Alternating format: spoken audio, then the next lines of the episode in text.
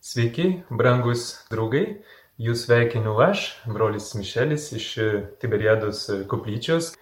Ir taip jau yra, kad karantinas tęsiasi ir todėl tenka jūs pasiekti per šiuos video, bet tikrai patikėkit, kad žymiai labiau norėtųsi gyvai perduoti šį mokymą. Na, bet vis tiek džiaugiuosi, kad galiu jūs pasiekti ir šitokiu būdu. Ir tikiuosi, kad gavėnios kelionę e, drąsiai pradėjote, kad karantininį laikotarpį, kuris va, taip tęsiasi, tikrai gyvenate su Kristumi, kad esate susijungę su, su juo, kad esate jo įkvėpti. Tačiau jeigu taip nėra, tai ir iš tikrųjų dar nespėjot e, įsijausti į šią gavėnę, tai kaip tik šis mokymas e, jums. Žinau, kad mes visi sergame tokią lygą, greičio, nekantrumo lygą, apie kurią esu jau kalbėjęs ne kartą, bet viską norime greičiau e, pasiekti. Bet e, noriu pasakyti, kad e, tie, kurie išklausys šį mokymą iki galo, tai jūsų laukia surprizas, tai keli punktai bus labai mm, tokie konkretūs, kaip gyventi tą gavėnį. O kol kas leiskime į kelionę ir pradėkime šį mokymą kaip tik ir bus kalbama apie, apie gavėnę kaip ir apie kelionę, dvasinę kelionę, bet ir tikro, tikrovišką tokią e, kelionę. Siūliu pradėti tokią kelionę, kur iš tikrųjų jau ir prasidėjo, nes turbūt e, nepaslaptis, kad e, gavėnė nu, galbūt ir jau įpusėjo iš tikrųjų, bet gavėnė yra tokia, sakyčiau, ilgesnė, Ir čia nėra kaip kitose srityse, kur jeigu traukinys išvažiavo, tai jau viskas, tau teks laukti. Priešingai, Kristus kviečia mus keliauti, tačiau mes duodam startą šiai kelioniai, tuo met, kai mes būsime e, pasiruošę e, jai. Be manęs Kristus nekeliauja, jis be galo mane gerbė, jis laukia, kada aš būsiu pasiruošęs e, žengti pirmin. Ir vadinasi, kad pats pirmas punktas yra, kad aš pats sakau, kada startuoju tas mygtukas startas e, aš paspaudžiu, ne jisai. Taigi tikrai nekaltinkim savęs, kad nepradėjome taip, kaip reikėjo, kada reikėjo ir taip toliau, o paprasčiausiai pradėkime e, tą kelionę. O žinot, keliauti kartu su kitu žmogum nėra taip lengva, nes reikia priprasti vienas prie kito, derinti savo e, žingsnius. Atsimenu, kaip savo vienuolinio gyvenimo pradžioje keliavau su mm, kitu broliu, kuris labai skubėjo, jis labai greitai ėjo. Ir aš negalėjau eiti taip, taip greitai kaip, kaip jisai, o jis kažkaip tai negalėjo ir lėčiau, tai taip ir, taip ir likom mane, negalėjusiais kažkaip susiderinti. Ir vėliausiai pradėjom kalbėti. Ir taip iš pradžių taip ne, nejaukiai, ne, nepatogiai, nes per dviejų metrų atstumą jis į priekį, o aš ten bandant pasivyti, bet po truputį bekalbant kažkaip ir jis sulėtėjo, ir aš sparčiau pradėjau eiti, ir taip nejučiom jau vienas šalia kito e, pradėjome e, žygiuoti. Tai su Kristumi šiai kelioniai prasidėjant, pradedant, tai tikrai gali būti ir, ir panašiai. Gali prireikti laiko iki to, kad e, tokį pagreitį gausime, kad greitį suderinsime, gal aš skubu šiek tiek, gal jis stabdo, gal atvirkščiai. Svarbu, kad jau pradedu išeiti, keliauti. Taigi gavėnė yra kelionė. Eina per dykumą ir baigėsi pažadėtoje žemėje, kaip mes žinome iš Senojo, Senojo testamento.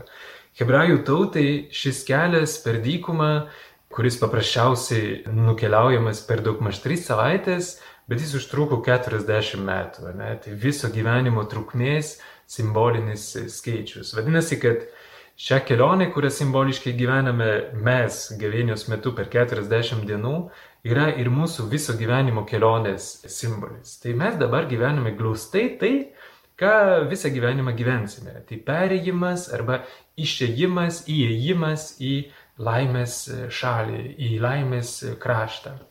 Kelias prasideda dykinėje, ten, kur nėra gyvenimo, ir baigėsi sode, pažadėtoj žemėje arba rojaus sode. Sakyčiau, kad visai gražus šis tikslas. Ne? Yra toks vienas rusų filosofas Berdjajevas, kuris rašo, tai buvo jo pamatinė, galima sakyti, filosofijos ašis, kad žmoguje yra aistringa rojaus svajonė. Tai yra džiaugsmo, laisvės, kūrybiškumo ir meilės troškimas. Šitas troškimas gyvuoja mumise, norim ar nenorim. Ir šią kelionę, Dievas, gyvenimo kelionę, Dievas mums siūlo, kad išpildytų tą didįjį troškimą, kad išsipildytų tas troškimas, kuris yra mumise. Taigi, aš keliauju į rojų. Galima tai sakyti, pavyzdžiui, praeiviams, kurie sako, kur tu eini. Aš einu į rojų, aš einu į laimės šalį. Tačiau sakyčiau, kad yra ir kitas tikslas šalia šito. Ne? Ir netgi sakyčiau, kad jis yra gražesnis, nes tas antrasis tikslas yra savotiškas šio troškimo išsipildymas čia ir dabar. O šitas antras tikslas - gavėnios ir apskritai gyvenimo žmogaus yra gilesnė draugystė su Dievu. Sakytumėm, pažintis su juo. Perėjimas nuo tokio proginio Dievo, Dievas prie progos, į tikrąjį Dievą. Į tą, kuris užima vidinio sosto vietą mano viduje, mano širdyje. Ir pripažinkime, kad mes, mes dažnai melžiamės proginį Kristų, jį kreipiamės, dėkojame proginiam Kristui, šaukiamės proginio Kristaus. O žinot, Šiaip tai proginis Kristus neegzistuoja. Ne? Proginio Kristaus nėra. Jis yra arba nėra tavo gyvenime. Ir lygiai taip kaip ir proginių žmonių negali būti. Arba jie yra tavo gyvenime, arba jų nėra. Jei turi žmonių, kurie tau patogus tik tai tuo met, kai tu esi pasiruošęs, o jeigu ne, tai juos pasiunti kažkur, tai vadinasi, kad jie nesiskaito tavo gyvenime. Jie nėra tavo kažkokie draugai. Ne? Jie tiesiog yra, nu, tolimi pažįstami. Tai negali realiai pasakyti, kad jūs esate draugai. Tai todėl proginio Kristaus nėra, negali būti, jis nenori tokio būti. Todėl ir mano ta maldelė, kurią aš kalbu vakariais arba prieš kokį nors gyvenimo išbandymą, tikrai yra nepakankama. Ne? Tai gilesnė draugystė su Kristumi yra, sakyčiau, antras, o galbūt ir netgi pirmas šios gavėnios tikslas, lygiai taip kaip ir mano viso gyvenimo kelionės tikslas. Žodžiu, esame e, piligrimai. Žmogus Biblijoje kaip tik ir jis yra apibūdinamas kaip piligrimas. Jis nėra sėslus žmogus, bet Biblijoje jis yra pirmiausiai parodytas kaip piligrimas, keliaujantis. Hebrajiška Biblija yra skirtinga nuo katalikų, žydų Biblija e, skirtinga nuo katalikų. Pirmiausiai galbūt knygų tvarka. Ne? Aišku, nėra naujo testamento žydų Biblijoje, bet jeigu pasižiūrėsime į Senąjį testamentą, tai mes matysim, kad yra kitokia e, knygų tvarka.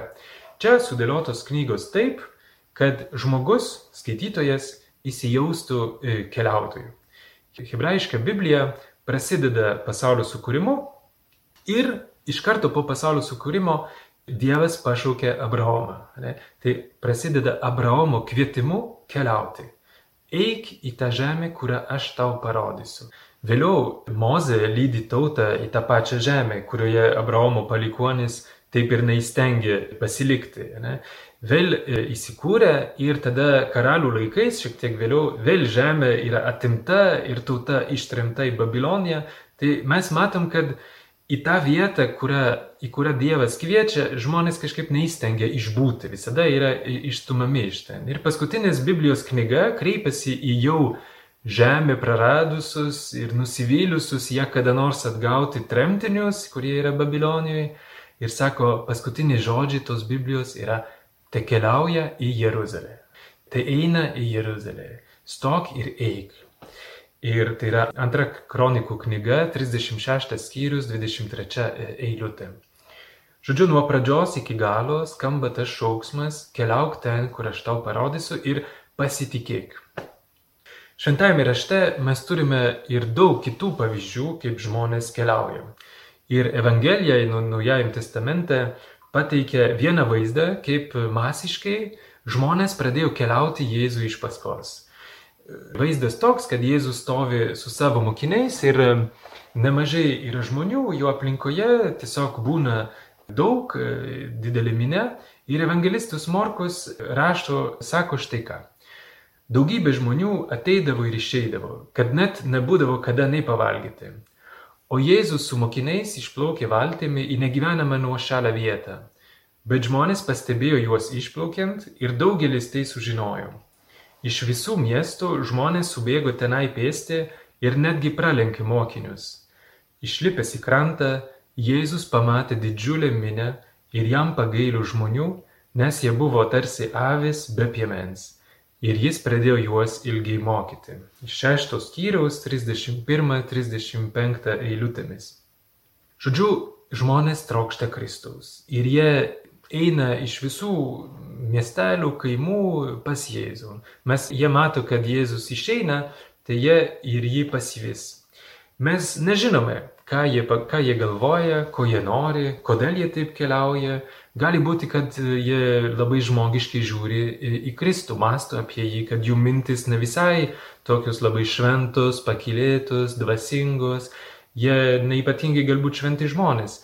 Matome, jie vedami tiesiog vidinio tokio impulso, kuris sujaudina e, Jėzų. Ne? Jėzus e, tikrai yra sujaudintas tuo, ką jis mato, žmonės ateina pas jį. Tai aš tikiu, kad tai susiję, tas vidinis impulsas susijęs su vidiniu rojus truškimu, apie kurį aš jau kalbėjau. Žmonės mato Jėzuje kažką tokio, kuris išpildo kažkurį iš jų troškimų, kurį, kurį jaučia dabar. Ne? Ir Jėzų paliečia mano troškimai, mano klausimai, kurių gali ir tiek daug mano viduje, kaip ta didžiulė minė. Ne, bet įsivaizduokit, kaip Jėzui reikėjo susidoroti su ta didžiulė minė, kur visi klausinėja ką nors. Įdomiausia šioje ištraukoje, kad žmogus pakylia iš vietos ir eina. Kitas žmogus, toj pačioj Evangelijoje, Morkos Evangelijoje, yra rūpsuotasis, kuris ateina pas Kristų su savo prašymu, jam pačiu svarbiausiu, noriu būti pagydytam ir žinau, kad tu gali. Ne?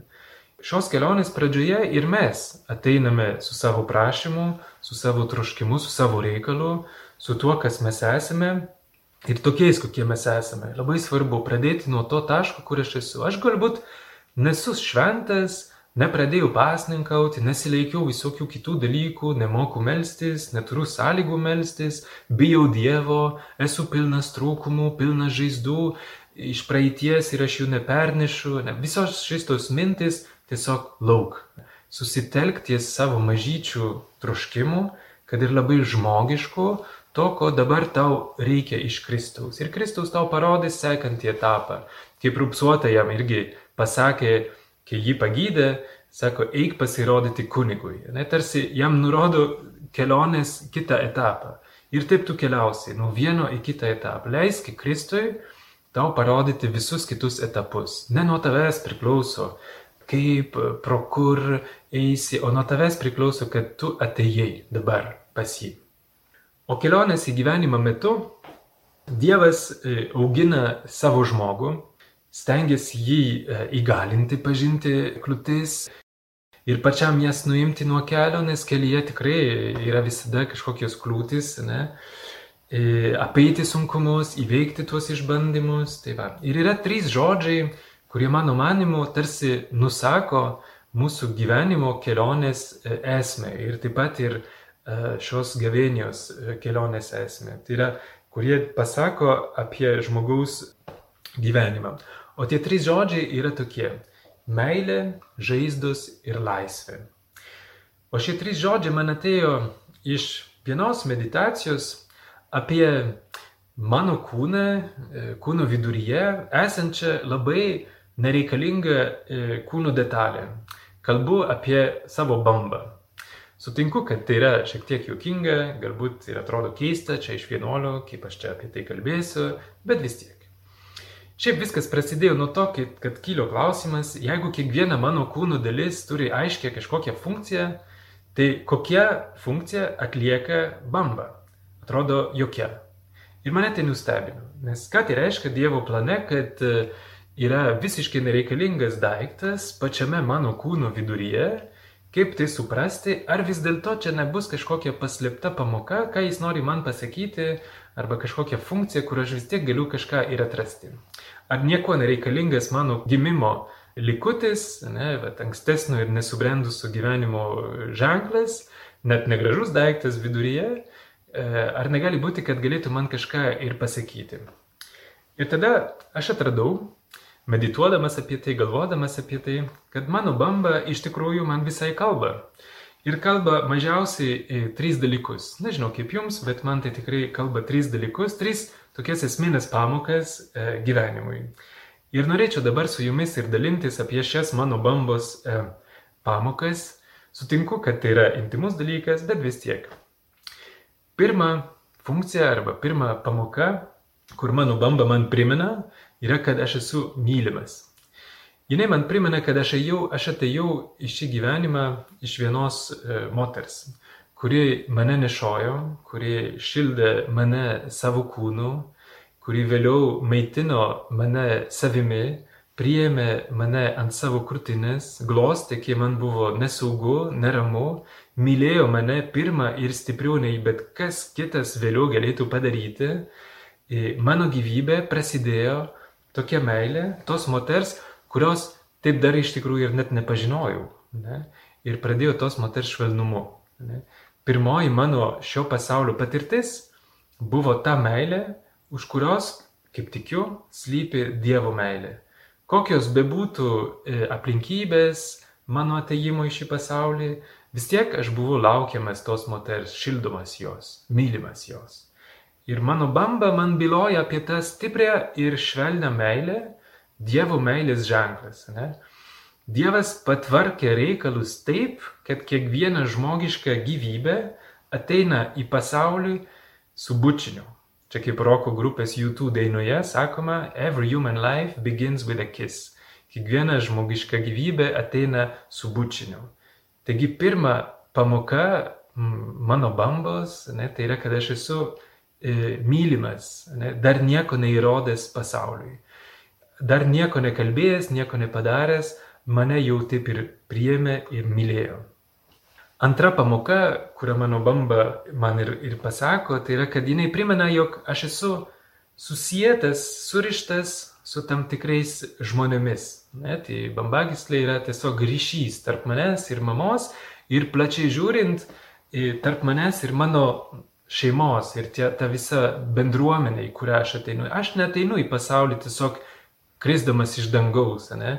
aš neteinu vienas į šį pasaulį. Iš karto manim rūpinasi, esu mažos bendruomenės dalis, turiu tam tikrą ir istoriją iš tikrųjų, tam tikros šalies ir esu e, tam tikros šalies ir kultūros žmogus, stiprus ryšys mane sieja su konkrečia e, bendruomenė. Aš nesu vienas ir tai yra labai teigiamas dalykas. Tačiau šita pamoka taip pat reiškia kažką šiek tiek galbūt neigiamo, nes kartais galiu jausti šitą ryšį ir jos suvaržymus iš tikrųjų. Bambagislė nors ir kertama gimimo dieną, tačiau tie visi psichologiniai ir kitokie ryšiai išlieka, kad ir nematomai. Ir galbūt tai reiškia, kad aš ateinu į šį pasaulį su tam tikru bagažu, aš tempiuosi kažkokį lagaminą, ateidamas į šį pasaulį, tempiuosi tam tikrą e, palikimą ir galbūt mano tas lagaminas nerieda labai e, lengvai, galbūt jam kaip tik ir trūksta vieno ar kito E, ratelio. Gali būti, kad dar ir žaizdos prisideda, vaikystės žaizdos, ne, arba patirtos vėliau gyvenime, gyvenimo traumas, tai tikrai prisideda ir, ir kaupėsi į tą mano mm, bagažą. Tai tas ryšys tikrai yra tiesiog e, tas visas lagaminas, kuris yra pilnas, kartais prikrautas ir kurį turiu tiesiog priimti, ne, su kuriuo turiu ir susitaikyti, negaliu tai pakeisti. Ne. Tai yra tiesiog tam tikros žaizdos, kuris, kurios yra e, manyje ir aš, vadinasi, ateidamas į šį pasaulį, gaunu tam tikrą užduotį, nelengvą užduotį, tiesiog priimti savo realybę, priimti save tokį, koks esu, susitaikyti ir iš to padaryti gražų e, dalykų. Tai yra, kiekvienas žmogus ateina jau žaizdotas ne, į pasaulį. Tokia yra realybė. Trečioji pamoka, kurią aš gaunu E, iš savo e, bambos, tai yra taip pat apie žaizdą, bet jau kitokią prasme. Nes prisiminkime pirmą dalyką, ką man gyvenime padaro, nors ir aš tikrai neatsimenu, ne, bet aš buvau per mažas, bet kaip yra daroma vaikams, tai yra pirmą dalyką, ką gyvenime jiems daroma, tai yra žaizda. Kai tik ateina į pasaulį, atėjau į pasaulį, mane žmonės kažkaip ir suluošino, ne, bambagislė kirto gimimo dieną pasaulis mane priėmė šitokiu būdu. Ir galimas daiktas, kad jeigu aš būčiau galėjęs kalbėti, tai nebūčiau gal norėjęs to, ne? jeigu aš galėjau pasirinkti, aš gal būčiau pasilikęs tame ryšyje su savo, su savo mama, nes, na, e, galbūt ir skauda e, taip pat tai ateinu į pasaulį, esu trapus, o man žaizdą daro. Tačiau šis, šita žaizda jau yra labai svarbus simbolinis, netgi teigiamas aktas. Tarsi man pasakytų, tapk savimi, esi uh, unikalus, esi laisvas, esi savo gyvenimo kuriejas, tapk juo vis labiau kasdien. Laisvė kartais kainuoja man tokia žaizda. Kartais tokiomis žaizdomis ir galiu tapti tikrai laisvu. Šita žaizda yra tam, kad tikrai aš būčiau visiškai e, laisvas. Tačiau kartais mes mėgstame savo komforto zonas, saugumą, kuri teikia tam tikrą vergystę ir pasirenkame suvaržymų. Kartais bijome e, tapti laisvais. Taigi trečioji pamoka yra tai, kad aš esu pašauktas tapti laisvu ir Dievas į tą laisvės pilnatvę mane veda nepaisant mano baimės. Ne? Tai va, čia trys tokios mano bambos pamokos, galėtumėm dar ir pridėti ketvirtą, čia tokie šiek tiek ir paprastesnė, kad jeigu aš per daug žiūrėsiu į savo bambą, tai man skauda galva ir kaklas, tai žodžiu, kad labai gera ir nustoti šiek tiek žiūrėti į save, bet esmė ta, kad trys žodžiai - meilė, žaizdos ir laisvė. Tarsi trys tokie žodžiai, kurie mane lydi šioje dvasinėje kelionėje. Ir Dievas tarsi man pasako per tokią labai paprastą ir nieko iki šiol nereiškiančią mano kūno dalį, kad esu be galo mylimas, kad ir koks žaizdotas aš būčiau ir kad jis manim pasitikė. Ne? Jis man apdovanoja tą laisvę kaip e, atsakomybę, ne? kaip e, tikrai jo paveikslų dalis. Ne? Aš esu kuriejas lygiai taip, kaip Dievas yra kuriejas. Dievas yra laisvas ir dėl to kuriejas. Ir aš esu taip pat laisvas ir dėl to galiu kurti savo gyvenimą. Ir toji Dievo meilė reiškia man pasitikėjimu manimi, jog aš galiu eiti į priekį, keliauti tos svajonės apie rojų link savo ritmu, tačiau laisvai galiu eiti, ne? galbūt žingsnis po žingsnio. Kristus, eidamas keliu į Jeruzalę, ką ir mes dabar prisiminsime per šią gavėnę ir ypatingai per Velykas, tai jisai gyvena tą pačią situaciją. Kryžius ir visokios kitos žaizdos jo nestabdo, nes tėvo meilė jame yra tokia stipri, kad pasirenka laisvai atsiliepti jai iki galo ir mylėti iki galo. O dabar baigėsi galbūt teorinė dalis, labiau teorinė dalis, Ir norėčiau dabar dalintis keliais punktais, kaip konkrečiai gyventi savo kelionę iki Velykų. Čia pateiksiu keletą trumpų patarimų, kurie, man atrodo, yra svarbus dvasinėme gyvenime, o ypač e, gavėniai. Ir iš šių aštuonių punktų aš siūliau galbūt pasirinkti trys ne, iš šių aštuonių. Pasirinkite tuos, kurie jums atrodo E, svarbus jūsų gyvenimo ir tikėjimo e, kelionėje. Taigi pirmas - jauskis fiziškai piligrimu. Kaip kalbėjau, e, gavėnė yra laikas dvasiniai kelioniai. Tai dabartinė pandemija mums kaip ir neleidžia keliauti, atrasti naujas tikras vietas, bet visgi kelionė neliktų, kad kelionė neliktų per daug sudvasinta, reikia ją ir fiziškai gyventi. Turbūt esame visi patyrę, kaip e, dvasia ir kūnas yra labai susiję tarpusavį e, ir kad judesys kūnų padeda ir mintimis bei dvasia judėti iš e, sąstingio ar dvasinio apšalimo. Ne, tikrai viskas yra susiję, kaip mėgsta kartoti popiežius Pranciškus. Todėl gavėnę siūliau pradėti nuo išėjimo, ėjimo į kokią nors vietą, netolimą galbūt nuo jūsų, E, kur mano kūnas e, duotų kažkokį impulsą dvasiai. Tai būnė netolima galbūt ta kelionė, galbūt paprastas ėjimas iki artimiausio kryžiaus, iki bažnyčios, iki koplytstulpio, iki tam tikros vietos, kur man yra brangi, mylima, svarbi. Svarbiausia, kad tas ėjimas būtų pakankamai ilgas, keli kilometrai, kad tikrai jausčiaus piligrimu. Ne? Galiu netgi tai atlikti kelis kartus, galbūt kartą per savaitę, jeigu aš turiu laiko, galbūt ir galiu ir naudotis e, tuo laiku, kurį aš dabar taupu dėl to, kad dirbu nuotoliniu būdu. Ne? Tai tikrai išėjimas ne, į kažkokią vietą tarsi e, man padės įsijausti į tą, į tą kelionę.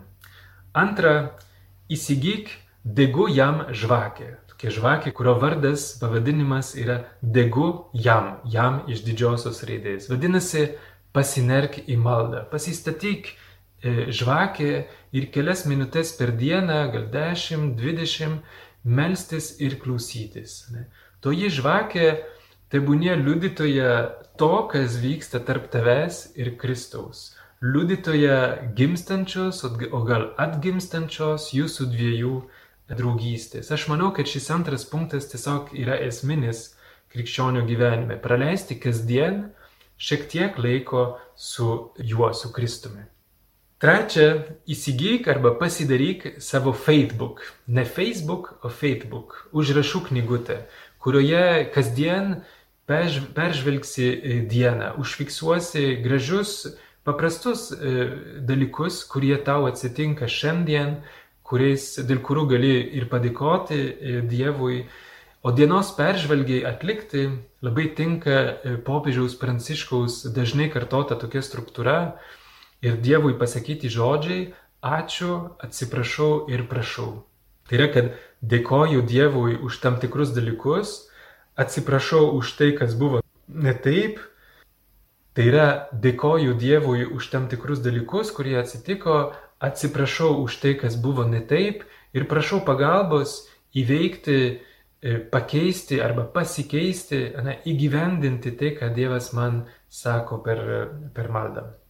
Ketvirtas, eik iš pažinties. Turn trash into cash. Keisk šiukšlės į turtus. Kai einu iš pažinties, aš palieku klaidas už save, nustoja man kenkti tie dalykai, ne, aš nebežiūriu atgal, praeities klaidos ir nesėkmės aš atidaviau Dievui, jis moka iš mūsų menkumo, iš mūsų nuodėmingumo e, padaryti tikrai tokius stebuklus. Ne. Tai paleisk visą tą skausmą, kuris kartais tiek daug vietos užima E, tavo galvoje ir tavo širdyje, paleist tą skausmą ir šok į šviesą, išsilaisvink nuo tavyje esančios tamsos ir keisk savo vidinės šiukšlės į turtus. Penktas - tai stok prieš savo priešus. Arba tiksliau pasirink vieną savyje nuolat besikartojančią nuodėmę. Žiūrėk tiesiai jai į akis ir pasiryšk su ją kovoti šiandien. Kelk revoliuciją savo širdyje, paskelbk jai karą e, vienam dalykui, kurio nemėgsti savyje, ne rytoj, ne poryt, o dabar. Gali būti labai mažas dalykas, menknikis, kuris tikrai nėra labai didelis, bet nuo jo ir pradėk. Vėliau galima bus ir apie kitas nuodėmės e, kažką pasižiūrėti. Nebijok, kad jų daug, bet pradėk nuo tos vienos. Šeštas punktas - tai minčių valdymas arba valymas. Ne? Arba kitaip tariant, neleisk jokiai minčiai užeiti jos neapklausus. Čia iš tokio 11-4-5 amžiaus evagrijaus. Mūsų širdis įsivaizduokim yra kaip oro uostas, ne, kuriame yra pakilimo ir nusileidimo takas ir valdymo e, bokštas. Ir vienas žmogus tame bokšte valdo visą e, oro uostą. Tai yra, kad jis pasako, kurie lėktuvai kyla, kurie leidžiasi, o jų būna visokių dydžių, spalvų, šalių, kilimo, ne? Tai vadinasi, kad aš esu pajėgus, privalau būti pajėgus atsirinkti tarp minčių, kurias aš noriu įsileisti, privalau atlikti tam tikrą patikrinimą, ar tose lėktuvuose, ar mintise nėra nieko man kenksmingo. Neleisk jokiai minčiai pas tave užeiti jos neapklausus. Bet dar geriau, sakyčiau, leisk, kad Kristus tau plautų smegenis, kad valytų e, tavo širdį. Kokia malonė iš tikrųjų būti Kristaus plaunamas, ne? Nuvalyk savo širdį jame. Kristau, aš atiduodu tau visas mano mintis, kurių nemėgstu, kurios manyje karauja prieš mane ir mane apgadina iš tikrųjų.